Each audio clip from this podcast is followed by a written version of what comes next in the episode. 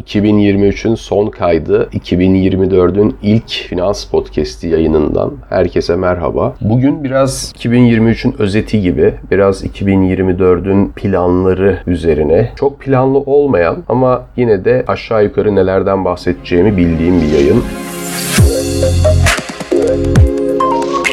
2023 finansal olaylar dışında pek çok üzücü hadisenin de meydana geldiği bir yıl oldu. Finansal olarak da belli bir yere kadar iyiydi ama son bir hafta özellikle resmen Borsa İstanbul'da kıyım gerçekleşti. Borsa İstanbul portföyümde en büyük paya sahip olmasa da yine ciddi oranda beni etkileyen bir kalem. Kısa vadeli bir yatırımcı olsaydım bu benim canımı çok sıkabilirdi. Son bir iki aydır borsada yaşananlar. Ama orta vadede baktığımız zaman zaman yapmak istediğimiz bazı şeyleri Borsa İstanbul bakiyesiyle yapmak istediğimiz bazı şeyleri diye düzeltmek istiyorum orayı. Belki birkaç ay ertelemek zorunda kalacağımız anlamına geliyor. Yani hedeflerimizi geciktiren bir düşüş yaşanıyor şu anda. Ama uzun vadeli portföyümde zaten yakın zamanda önümüzdeki 2-3 yıl belki 5 yıl içerisinde planladığım kadarıyla en azından pek bir çıkış yapmam gerekmeyeceğinden aynı sorun söz konusu değil. Ama Nasdaq'ta hala Kasım 2021 ayındaki seviyelerine çıkabilmiş değil. Ve bir sürede tabii dolar enflasyonunu da göz önünde bulundurunca hala kayıptayız diyebiliriz. Şöyle bir avantajı oldu. Özellikle 2022 yılından 2023'e kadar gelen sürede ben Nasdaq full düşüşteyken de sürekli alım yapmaya devam ettim. Bu da 2023 yılı boyunca Nasdaq sayesinde total portföyümü ciddi anlamda olumlu etkiledi. Ben yine toplamaya devam ediyorum her ay ama bu ana portföyümün yıllara yayılan büyüklüğü sebebiyle bileşik getirinin sayesinde çok büyük faydasını görüyorum. Mesela bugünden sonra hiç alım yapmasam dahi sadece mevcut Nasdaq portföyüm ömrüm boyunca beni geçindirebilecek potansiyele sahip. Bu benim için büyük bir özgürlük. Yani bunun kelimelerle anlatılabilecek bir rahatlık olduğunu düşünmüyorum. Gerçekten buna erişince diyorsun ki evet ben bugün yaptığım her şeyden vazgeçsem,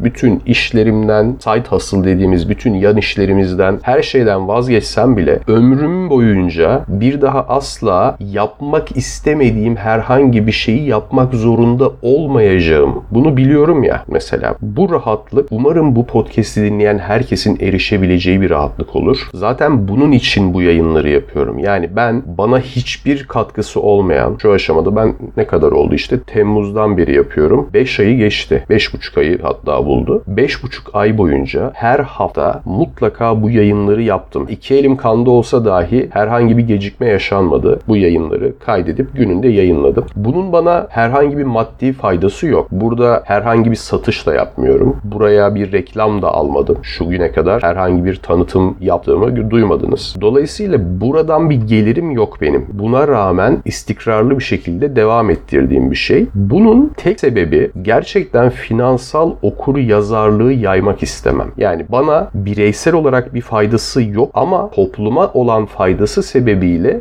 dolaylı yoldan bu beni çok mutlu ediyor. Bu yayınları dinleyerek öğrenebilecekleriniz size bugün herhangi bir okulda gerçekten anlatılmıyor. Bu benim zamanında eksikliğini hissettiğim bir şeydi ve bu zamanında eksikliğini hissettiğim şeyi başkaları hissetmesin diye yaptığım bir şey. Hatta bir dönem eksiklik olduğunun farkında bile olmadığım bir şeydi. Bugün bütün platformlarda podcast, YouTube, belki Twitter buna dahil edilebilir. Bu gibi platformların hepsinde çok fazla bilgi var. Ama bu bilgilerin bazısı gerçekten kirli bilgi. Bugün YouTube'da istisnalar var birkaç tane. Ama bu YouTuber'lar ya da finansal Twitter hesapları genellikle bir noktadan sonra falanca hisseyi al sinyaliyle bir şekilde malı götürme peşinde oluyorlar. Bu benim çok tadımı kaçıran bir mevzu. Bu insanlara gerçekten bel bağlayıp ciddi zararlara girebilen insanlar olabiliyor. Yani bu özellikle borsa düşüş dönemlerinde zaten yanlış bir sinyal üzerine alınmış olan gerçekte market değeri çok fazla olmayacak bir hissenin bir şekilde takipçilere ittirilmesi sayesinde ittiren kişinin tepeden satmasıyla o kişi genellikle bir kişi olmuyor. Bunlar anlaşmalı olabiliyorlar yapıyorlar. Çok fazla insan zarara girebiliyor o satış sonrası. Zaten bir de düşüş dönemindeyse iyice iki türlü zarar oluyor. O borsa yatırımcısı belki de yıllarca o zararın üzerine oturması gerekecek. Yani satsa olmaz, ekleme yapsa olmaz. Çünkü gerçekten market cap'i o kadar olmayan bir firmayı şişirip şişirip patlattıkları için beklemeye değmez, eklemeye değmez. Aşağı tükürsen sakal, yukarı tükürsen bıyık meselesi. Money Monster adlı bir film vardı. 2016 yapımı. O filmi izlemediyseniz tavsiye ederim. Güzel bir konuyu ele alıyor. Konuyu nasıl ele aldığı tartışılır. Film olarak değerlendirdiğimizde iyi bir filmi ona cevap veremem ama ele alınan konu önemli bir konu. Spoiler vermeden çok kısa konusunu söylemek istiyorum. Filmde finansal konularda sunum yapan bir spiker var. George Clooney'nin canlandırdığı Lee Gates karakteri. Bu karakter bugün Amerika'da çok popüler olan televizyon programları vardır. Belki denk gelmişsinizdir. İşte şu hisse uçacak, kaçacak, arka taraf inanılmaz yanar dönerle ekranlar falan. Bunu almak zorundasınız. İşte varınızı yoğunuzu satın, bu hisseyi alın gibi önerilerde bulunan Amerikan televizyon kanallarındaki bu programların bir parodisi gibi güzel bir crime drama. Filmde başrol karakteri spiker bir takım hisseleri önerirken önerdiği bir hisse 800 milyon dolar market değeri kaybına uğruyor ve bununla beraber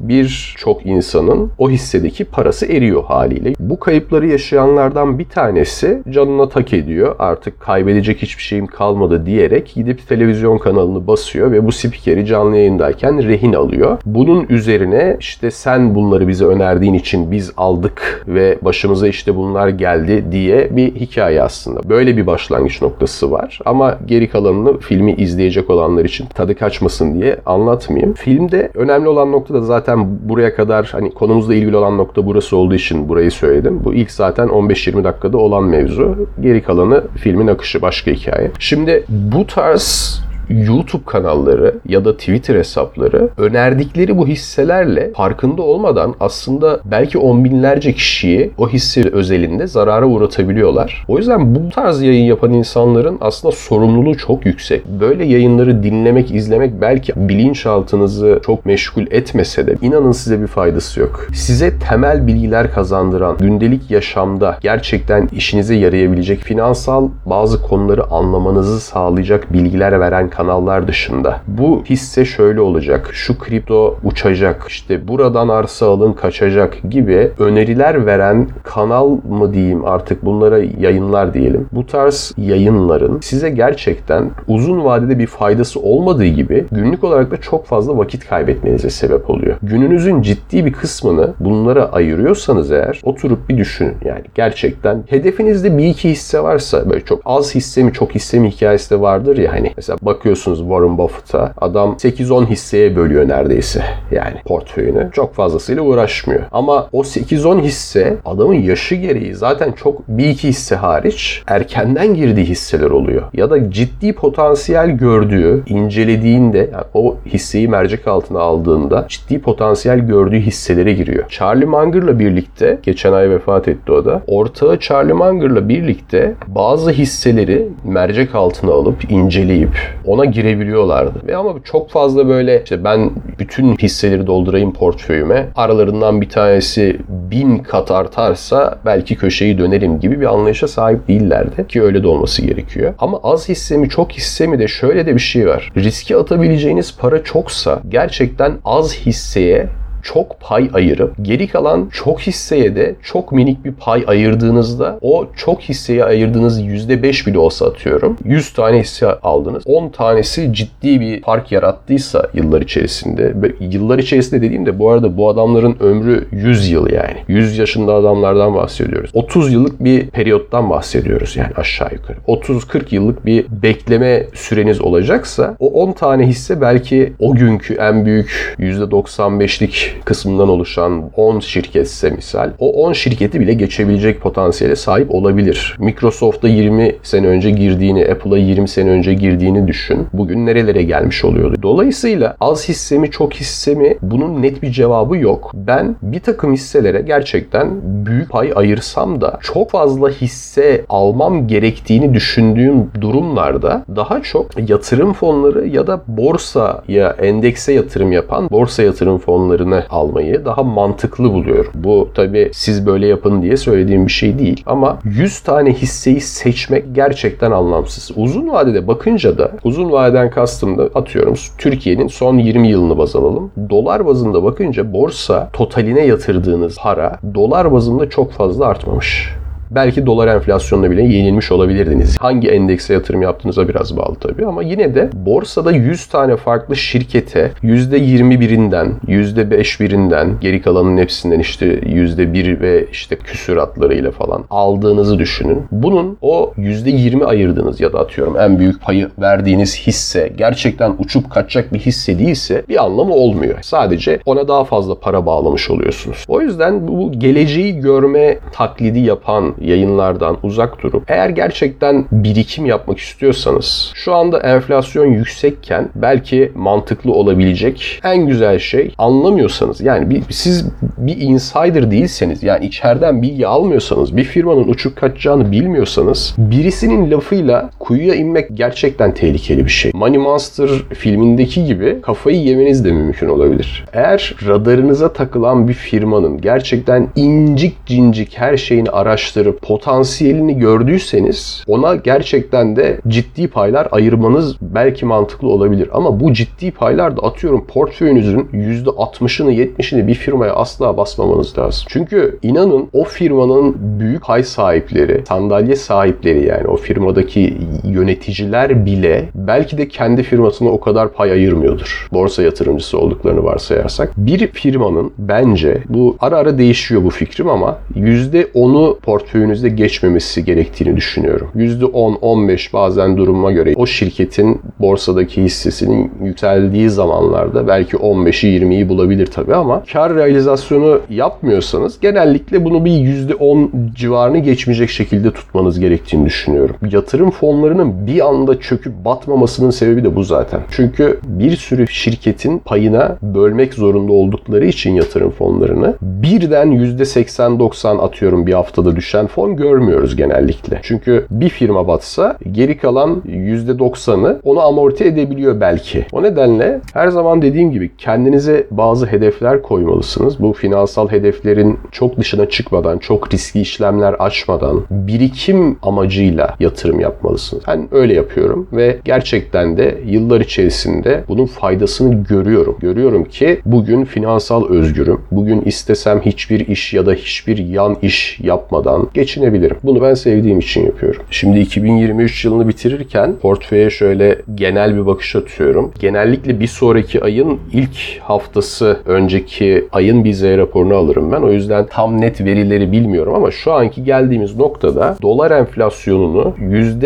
%40'a yakın bir oranla yendiğimi görüyorum. Bu daha yüksekti ama son birkaç aydır düştü tabii. Dolar bazlı baktığınız herhangi bir borsanın ortalamasına göre gerçekten iyi bir miktar. Net rakamları bu bölüm yayınlandıktan birkaç gün sonra görmüş olacağım ben de. İşte Nasdaq aylık değişim kıyası, BIST aylık TL değişim kıyası, TÜİK enflasyon oranı, ENAG enflasyon oranı, ABD enflasyon oranı o gerçi ayın ortasında açıklanıyor ama bütün bu diğer kriterlere göre ya da birkaç tane daha kriterim var. Bunlara göre portföyümün ne kadar iyi, ne kadar daha kötü olduğuna bakıp bir çıkarıma varıyorum. Bunu size de tavsiye ediyorum. Her ay işte BIST'te ne kadar paranız varsa total TL ve dolar bazında bir tablo açın çok basit Excel'de ya da Google kullanıyorsanız Google'ın Sheets uygulamasında. Kripto parada paranız varsa dolar ve TL bazında her ay sonu bunu mutlaka yazın. Altında paranız varsa bunu yazın. Dövizde paranız varsa TL karşılığı ve döviz miktarını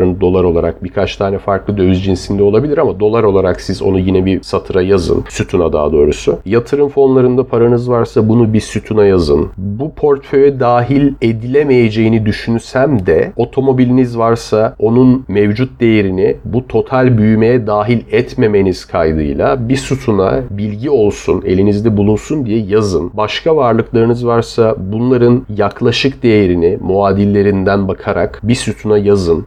Bunlar sizin net mal varlığınızı geriye dönük takip etmenizi sağlayacak. Ben bunu yıllardır yapıyorum. Hem motivasyonumu artırıyor bu hem de gerçekten gidişatı görüp işe yarıyor mu yaramıyor mu ona bakabiliyorum. Yani bu kadar uğraş borsayla, diğer yatırım araçlarıyla bu kadar takip, bu kadar çaba ve yatırım gerçekten işe yarıyor mu? Yoksa ben dümdüz bir borsa endeks fonu alsaydım ya da yatırım fonu alsaydım daha mı iyi olurdu? Ona bakmamı sağlıyor. Favoriniz olan birkaç tane yatırım fonu varsa onları da sütün olarak karşılaştırma ölçeği adı altında ekleyebilirsiniz. Bu size kalmış ama böyle bir takip dosyanız mutlaka olsun. Bu dosyada düzenli maaş gelirinizi yazdığınız bir sütun olsun. Hem Türk lirası hem dolar cinsinden yazın. Bu dosyaya yine varsa yan gelirleriniz, sizin yan gelirleriniz nedir bilmiyorum ama birkaç örnek şöyle olabilir. Reklam geliri olabilir. Freelance çalışansanız freelance geliri olabilir. Harçlık alıyorsanız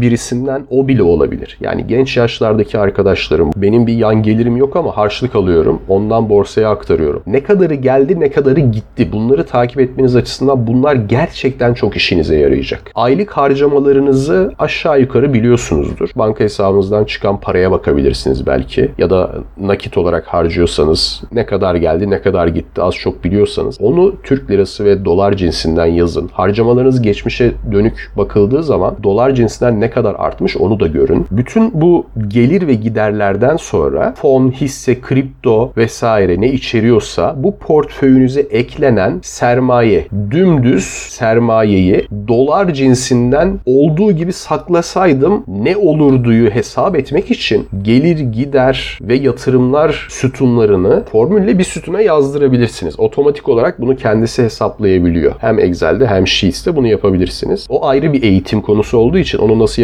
yapacağınıza girmiyorum ama yani manuel de yapabilirsiniz. Eğer formülü çok zor gelirse ama çok zor değil. Hiç bilmiyorsanız ChatGPT'ye bile sorabilirsiniz. İşte şöyle bir sütunum var. Bu sütundaki veriyi bundan çıkarıp bunu ekleyip ortalamasını alıp şunu yapıp bunu yapıp falanca sütuna basmak istiyorum. Bunu yapabileceğim formülü bana ver dediğinizde bunu ChatGPT'de verir yani. Çok kolay bir mesele. ChatGPT'yi ben zaten bu tarz hesaplarımda çok kullanıyorum. Ben Excel uzmanı değilim. Ama bazen gerçekten çok karmaşık hesaplar yapmam gerekebiliyor. Çünkü benim hesaplama dosyalarımı, formül dosyalarımı görseniz gerçekten çok şaşırırsınız. Aşırı kapsamlı ve birçok alanda analiz çıkarabilen, finansal geçmişim adına çok kapsamlı dökümler çıkarabilen Excel dosyalarım var. Excel diyorum ama o tabii şey jilet gibi yani bir jenerik olduğu için artık Google Sheets'te yapıyorum ben bunları. Sonra bunlara geçmişe dönük baktığım zaman gerçekten nasıl bir ilerleme kat ettiğimi gördüğümde ve gelecekte 5 yıl sonra, 10 yıl sonra bu şekilde devam edersem, yıllık artış ortalamalarım, bu gelir miktarım devam ederse, sermaye olarak yatırıma aktardığım miktar hep bu olursa veya bu oranda olursa benim 5 yıl, 10 yıl, 20 yıl sonra dolar bazında ne kadar param olacağını görebiliyorum. Ve bu bana bir amaç veriyor aslında. Şunu yap bunu yapma diye kendime o ayki mesela diyelim ki şöyle bir hesabım mesela var. Diyelim ki bu ay fona bu kadar, hisse senedine bu kadar, kripto paraya bu kadar, altına bu kadar, dövize bu kadar ayırdım. Farklı yatırım araçları var. Onları da bu kadar ayırdım ve dolar bazında bu kadar harcadım. Şu kadar gelirim var. Şu kadar da işte giderim oldu. Dolar kuru bugün bu. Bu hesabı yaparken. Nasdaq aylık bu kadar değişmiş. BIST aylık bu kadar değişmiş. TÜİK geçtiğimiz aydan bugüne bu kadar artmış. ENAK bu kadar artmış vesaire. Bunlara göre bana son bir yılda ve son bir ayda portföyüm dolar bazında ne kadar artmış? Son bir yılda dolar bazındaki artışların son 12 ay her ay için ayrı ayrı hesaplandığı için onların da bir ortalamasını alarak her ayın son bir yıl hesabının ortalaması baz alınarak bana 10 yıl sonra dolar bazında ne kadar varlığım olacağını söyle. Böyle bir hesabım var. Bu Excel dosyasında her sütun bir harf ile temsil ediliyor. Excel'e aşinaysanız. A, B, C diye sağa doğru gidiyor. Bu hesapları yaptığım dokümanda sütun sayısı şu anda alfabeyi bir kere tam dolduruyor. Sonra A, A, A, B, A, C, A, D şeklinde devam ediyor. Yani 40 civarında sütundan oluşan bir hesap dokümanından bahsediyoruz. Bu hesapları sizin için önemli olan veriler ışığında sizin için anlam ifade edecek hesaplarla oluşturun, oluşturtun Google'a ve ChatGPT yardımı da alabilirsiniz dediğim gibi. En azından bir yıl bunu tutmayı deneyin. Bir yıl boyunca sadece 12 satır açacaksınız oraya. O kadar. Ve sonra bunu grafikle resmedin. Orada grafik hazırlatabiliyorsunuz bu tablo ışığında. Bu dosyadaki satırlar ve sütunlar ışığında grafik tablolar hazırlayabiliyorsunuz. Bu grafikler de bunu resimli hale getirdiği için beyninize bunun neye yaradığını, geçmiş çalışmanızın neye yaradığını gösteren bir sinyal veriyor aslında yani. Onu gördüğünüzde daha çok motive oluyorsunuz. Bu gerekli şeyler değil bunlar tabii. Bunlar benim sadece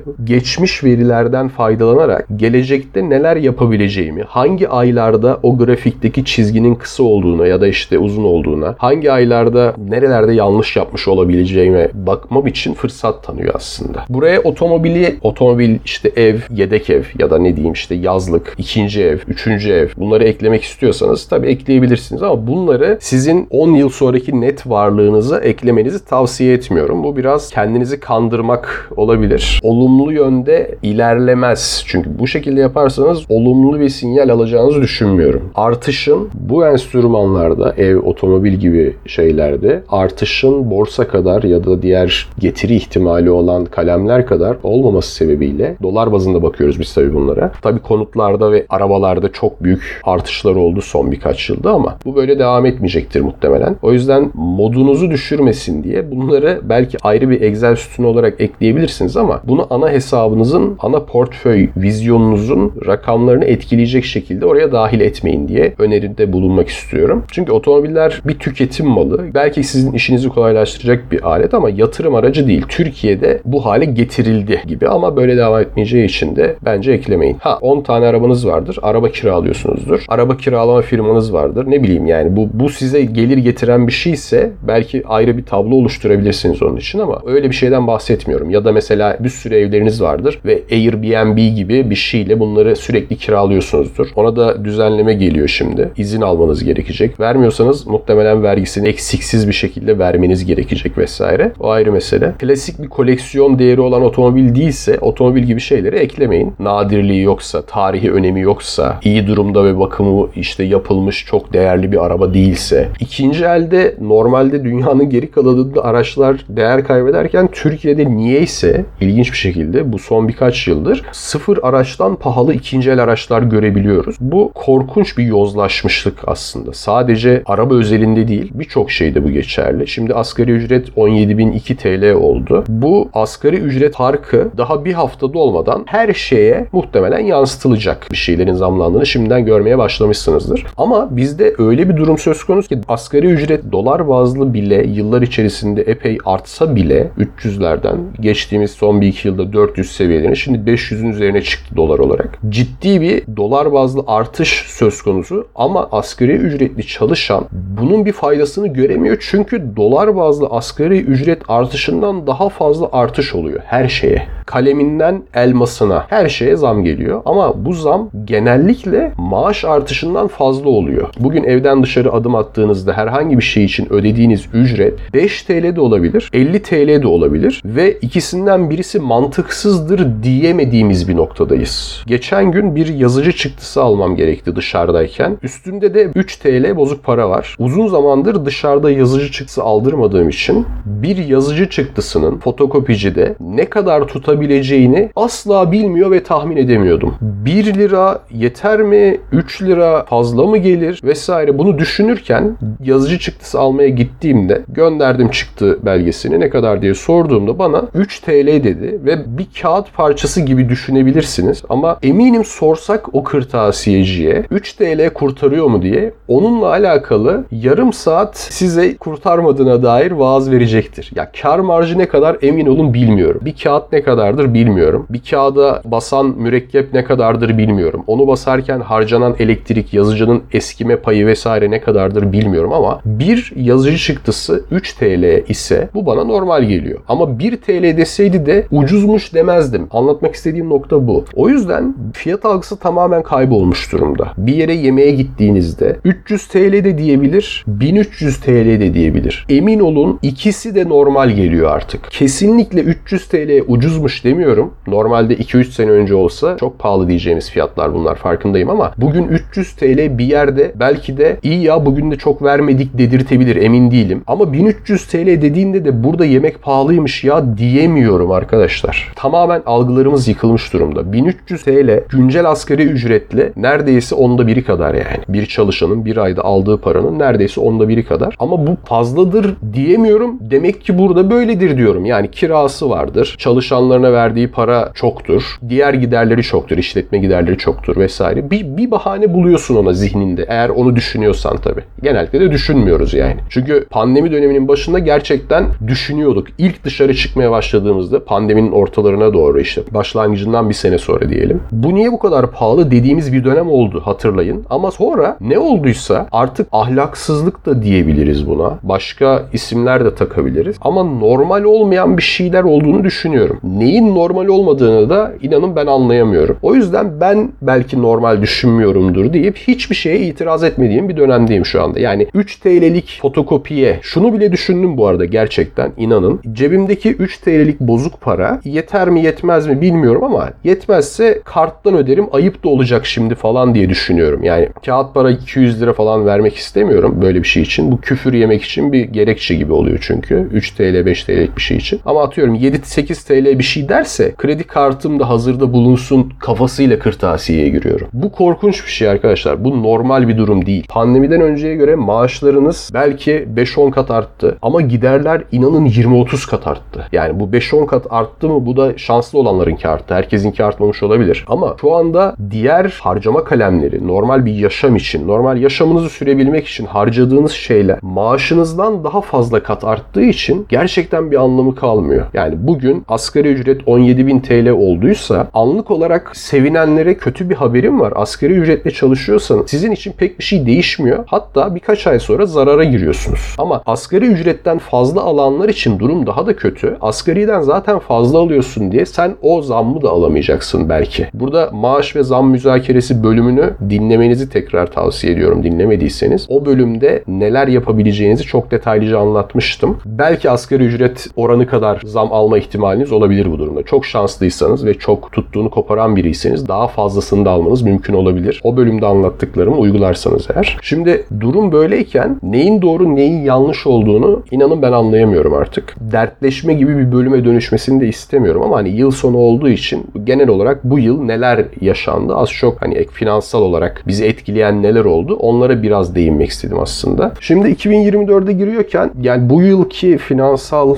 olarak geldiğim noktadan ben memnunum şahsen ama daha iyisi olabilir miydi? İlla ki olabilirdi. Çünkü biz hisse seçerken, kripto para seçerken, diğer yatırım araçlarında herhangi bir seçim yapmamız gerektiğinde ya da onlara ayırdığımız miktarları belirlerken geleceği göremeyeceğimiz için doğal olarak bir takım içgüdülerle hareket ediyoruz. Daha iyisi olabilirdi. Ama buna ben razıyım. Şu anda geldiğimiz noktadan hoşnutum. Kendi adıma konuşuyorum tabii. Ama bunu finansal özgür bir yerden söylediğim için senin için hava hoş diyebilirsiniz demeyin. Bu bölümde bahsettiğim o hesaplamaları yaparak kendi finansal gidişatınızı izlemeye başladığınızda bir şeylerin fark ettiğini göreceksiniz. Bu özellikle geçmiş bölümlerde anlattığım şeyler daha çok kafanızda oturacak zamanla ve bundan sonra anlatacaklarımı da o gözle dinlediğinizde bir karşılaştırma kıyas yapabileceksiniz en azından. Kendiniz ve diğer yatırım araçları ile potansiyel diğer yatırımlarla karşılaştırma anlamında söylüyorum. 2024'te kişisel olarak daha fazla plan yapmamayı düşünüyorum. 2023'e girerken bu yıl ne yapmam gerektiğine dair bir sürü not almıştım. Bu son birkaç yıldır moda biliyorsunuz. New Year's Resolution denen şey. Yeni yıl kararları alıyorsunuz ve bunların ne kadarını yaptığınıza bakıyorsunuz falan. Bunu ben ya biraz da işte etrafımın zoruyla bu tarz şeyler biliyorsunuz genelde kendiniz karar vermezsiniz. Birileri sizi dayatarak yaptırır. Özellikle rasyonel insanlar böyle şeylere pek vakit ayırmıyor ama kendimi rasyonel birisi olarak gördüğüm için buna e, zorlandım diyelim. Şimdi yeni yıl kararlarımdan bakıyorum. Toplam kaç yeni yıl kararı aldım. Hatta şu an belge elime alıyorum kağıdı. Panodan çıkarıyorum. Yeni yıl kararlarımı şu anda elime aldım. 2023 hedefleri diye yazdığım bu kararlardan geçtiğimiz gün hangilerini yaptım, hangilerini kısmen yaptım, hangilerini yapmadım diye işaretledim 3 farklı renkle. Mavi, kırmızı ve yeşil olarak. Mavi kısmen yaptıklarım, kırmızı hiç yapamadıklarım ya da yapmadıklarım, yeşil ise yaptıklarım. Burada sayıca maviler daha çok. Yani kısmen yaptıklarım daha çok. Yeşil ile kırmızı aşağı yukarı aynı sayıda. Hatta direkt saymak gerek gerekirse 6 tane kırmızım var. 10 tane mavim var. 4 tane de yeşilim var. Yani sadece 4 tanesini yıl boyunca yapabilmişim ya da yapmışım. 10 tanesini kısmen yapmışım ya da yapmaya başlamışım sonra devam etmemişim. Ya da bir yere kadar yapmışım sonra gerek duymamışım. 6 tanesini kırmızı olanları yapabilecekken yapmamışım. Yani burada bakıyorum yapabileceğim şeyler mi diye. Gerçekten de kendime aşırı böyle zor hedefler koymamışım. Ama bunların hepsini yapabilecekken hiçbirini yapmamışım. Bu konuda adım atmamışım bile yani neredeyse. Buradan şunu anlıyoruz. 20 tane hedefin sadece 4 tanesini yıl boyunca yapmışım ya da bazıları bir kere yapılmalık şeyler ama yine de baktığın zaman sadece 4 tanesini yapmışım ama başlayıp yapmadığım şeyler daha çok. Bu şu anlama geliyor. Kendimizi bir şekilde ikna edebiliyoruz bir şeylere ama onun kısa vadede ya da birkaç ayda etkileri sandığınız gibi olmayınca da vazgeçebiliyoruz veya size zor geliyor. Dolayısıyla bu yıl tabiri caizse geçmişte olduğu gibi gelişine yaşamaya karar verdim. Yani herhangi bir karar almadan oluruna bırakacağım. Yani yapmam gerekeni, yapmam gerektiğini düşünüyorsam yapmam gereken zamanda yapacağım. Herhangi bir listeye bağımlı kalmayacağım. Zaten bu listeye de bir yılın ilk ayı bir de işte geçtiğimiz hafta yıl biterken baktım. Yani aralarda da açıp da listeye bakmadım. Karar verdiğim şeylerdi zaten. Bazısını yaptım, bazısını yapıyor gibi oldum. Bazısının da hiç tarafına bakmadım. Dolayısıyla bu yıl belki şöyle bir hedef koyabilirim. Finansal olarak daha fazla kitap okuyabilirim. Yani 2024'te önceki yıllara kıyasla bir miktar daha fazla kitap okuyabilirim. Beni gerçekten artık hangi konuda olursa olsun kitap okumak biraz bayıyor. Ama belgeye dayalı ve bilgiye dayalı kurgu olmayan kitapları hala çok iyi okuyabiliyorum. Bir yerden sonra dikkatim dağılıyor çünkü diğer kitaplarda. Sayıca belki bunu biraz artırabilirim kitap olarak. Finansal olarak da her zaman olduğu gibi dolar enflasyonunu önemli bir ölçüde geçebilme hedefimi koruyorum. Yani bunu yine bu senede yapacağımı düşünüyorum. Eğer çok büyük absürt bir olay olmazsa bu da muhtemelen gerçekleşir diye tahmin ediyorum. Göreceğiz tabii önümüzdeki yıl. Bu yıl pandemi döneminde bıraktığım yurt dışı gezilerine tekrar başlamayı planlıyorum. Pasaportumu falan yeniledim. Pasaportumla beraber ehliyeti ve kimliğimi de yeniledim. Hep yeni bir insan olarak hayata 2024'de başlıyor gibiyim. Ama bunlar epeyce eskiydi. Özellikle kimliğim 20 yıl önce kullandığım kimliği hala kullanıyordum. Bir kimliği değiştirmeye bile vakit ayırmak bana çok zor geliyor. Bunun için sadece bir randevu alıyorsun, bir yere gidiyorsun, bekliyorsun. Aslında çok basit bir şey gibi ama buna vakit ayırmak bana yıllarca çok zor geliyor. O yüzden bu çipli kimliğe bile ben daha yeni bu yıl hatta bu ay geçtim yani öyle söyleyeyim size. Ehliyet deseniz aynı şekilde. Ehliyeti ilk aldığım günden beri parçalanana kadar kullandım ve şimdi onu da yeniledim. Onu yenilemek için bir yıl daha varmış ama ben onu da ehliyeti kimliği de yenilerken yenileyim dedim. Hatta ikisini yenilediğim için birleştirildi. Artık birini taşımam yetiyor. Önceden de o eski devasa büyük kimliği taşımayıp sadece ehliyeti taşıyordum. Hiçbir bir iş açılmadı başıma. Yani onu taşımayıp sadece ehliyeti taşıdığım için. Yurt dışında gitmediğim ülkelere gitmek istiyorum. Çok fazla ülke gezdim. Bu ülkelerden çok fazla kişisel deneyim edindim. Genellikle Avrupa'yı gezdim ben ama bu yıl biraz daha uzaklara gitmek istiyorum. Hem çok batı hem çok doğu yönünde bir takım hedeflerim var. Bakalım ne kadarını yapabileceğim. Onun dışında bir bu bir işte belki daha fazla okuma ve biraz daha işte finansal olarak daha garantili bir noktada kendimi görebilmek aslında hedeflerim bunlar. Onun dışında da çok fazla bir plan yapmadım açıkçası. Yapmayı da düşünmüyorum. Neyse bölüm bayağı uzamış bu arada. Bunun farkında değilim. Bu sefer biraz konu başlıkları fazlaydı. Bir de 2023'e dair değinmem gereken şeyler dışında size bundan sonraki finansal yolculuğunuzda ne yaparsanız kendinizi daha iyi derecelendirebileceğinize dair bir şeyler anlatmak istedim. O yüzden biraz uzadı. Normalde 10 dakikayı çok geçmemeye çalışıyorum. Hatta mümkün olduğunca altında tutmaya çalışıyorum bölümleri ama bundan hoşlandınız mı? Uzun olması iyi mi? Onu da bilmiyorum. Bu konuda da geri bildirimlerinizi gönderirseniz ona göre belki şekillendirebiliriz bölümleri bilmiyorum. Çok nadiren bölümler çok daha uzun olsun diyenler oluyor ama bu genel bir istek midir ondan emin değilim. Normalde her bölüme tabii ki bu kadar vakit ayıramam ama bu yıllık bir bölüm olduğu için böyle uzun oldu. Ama yine de bölüm bölümlerin daha uzun olmasını istiyorsanız ya da bölümler içerisinde çeşitli sectionlar olsun, ayrı ayrı başlıklar altında bir takım şeyler yapalım, ekstralar yapalım istiyorsanız onları da bana iletebilirsiniz. Geri bildirimlerinizi gerçekten ciddiye alıyorum. Sonuçta bu yayını sizin için yapıyorum. Birkaç bin kişiyiz burada. Ufak bir komün gibi düşünün. Sadece bilmeniz gerekenleri, olaylara, finansal meselelere bakışınızın nasıl olması gerektiği ile alakalı bir takım kendi düşüncelerimi aktardığım bir yayın bu sonuçta. Siz de teveccüh edip dinliyorsunuz. Teşekkür ederim. Ya yani bunun her ne kadar bana maddi bir faydası olmasa da siz dinlediğiniz için bu yayınlar devam ediyor. O yüzden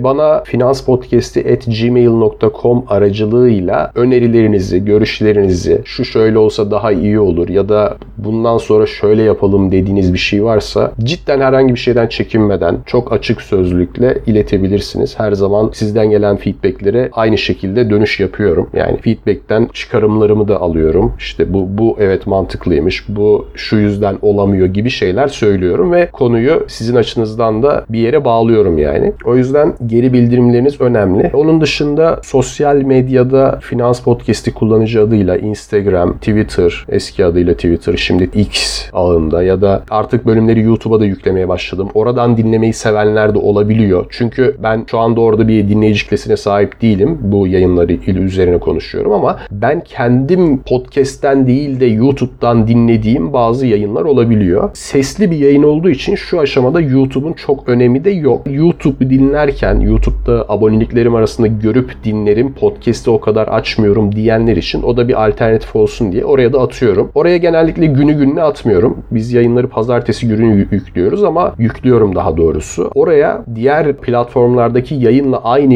gün yüklenmeyebiliyor. Öyle bir söz veremem yani. Genellikle aklıma gelince atıyorum oraya. Yani YouTube'a da yükleyecektim diye. Oraya daha sonra atıyorum. Oradan takip edebilirsiniz. Hatta TikTok'ta bile varız. Bölümlerin duyuruları yine tabii orada oluyor. Oradan da takip edebilirsiniz. Bunun dışında açıklamadaki bağlantıda başka sayfalar da var. İlginizi çeken başka ağlar varsa kullandığınız oralardan da takip edebilirsiniz. Ya da farklı bir platformdan dinlemek isterseniz aktif olarak yayın yaptığım platformların en büyükleri yine açıklamadaki bağlantıda. Hepinize iyi bir yeni yıl diliyorum. Hepiniz için daha hoşunuza gidecek şeylerin olduğu bir yıl umuyorum. Hayırlısıyla bu yılda kapattık.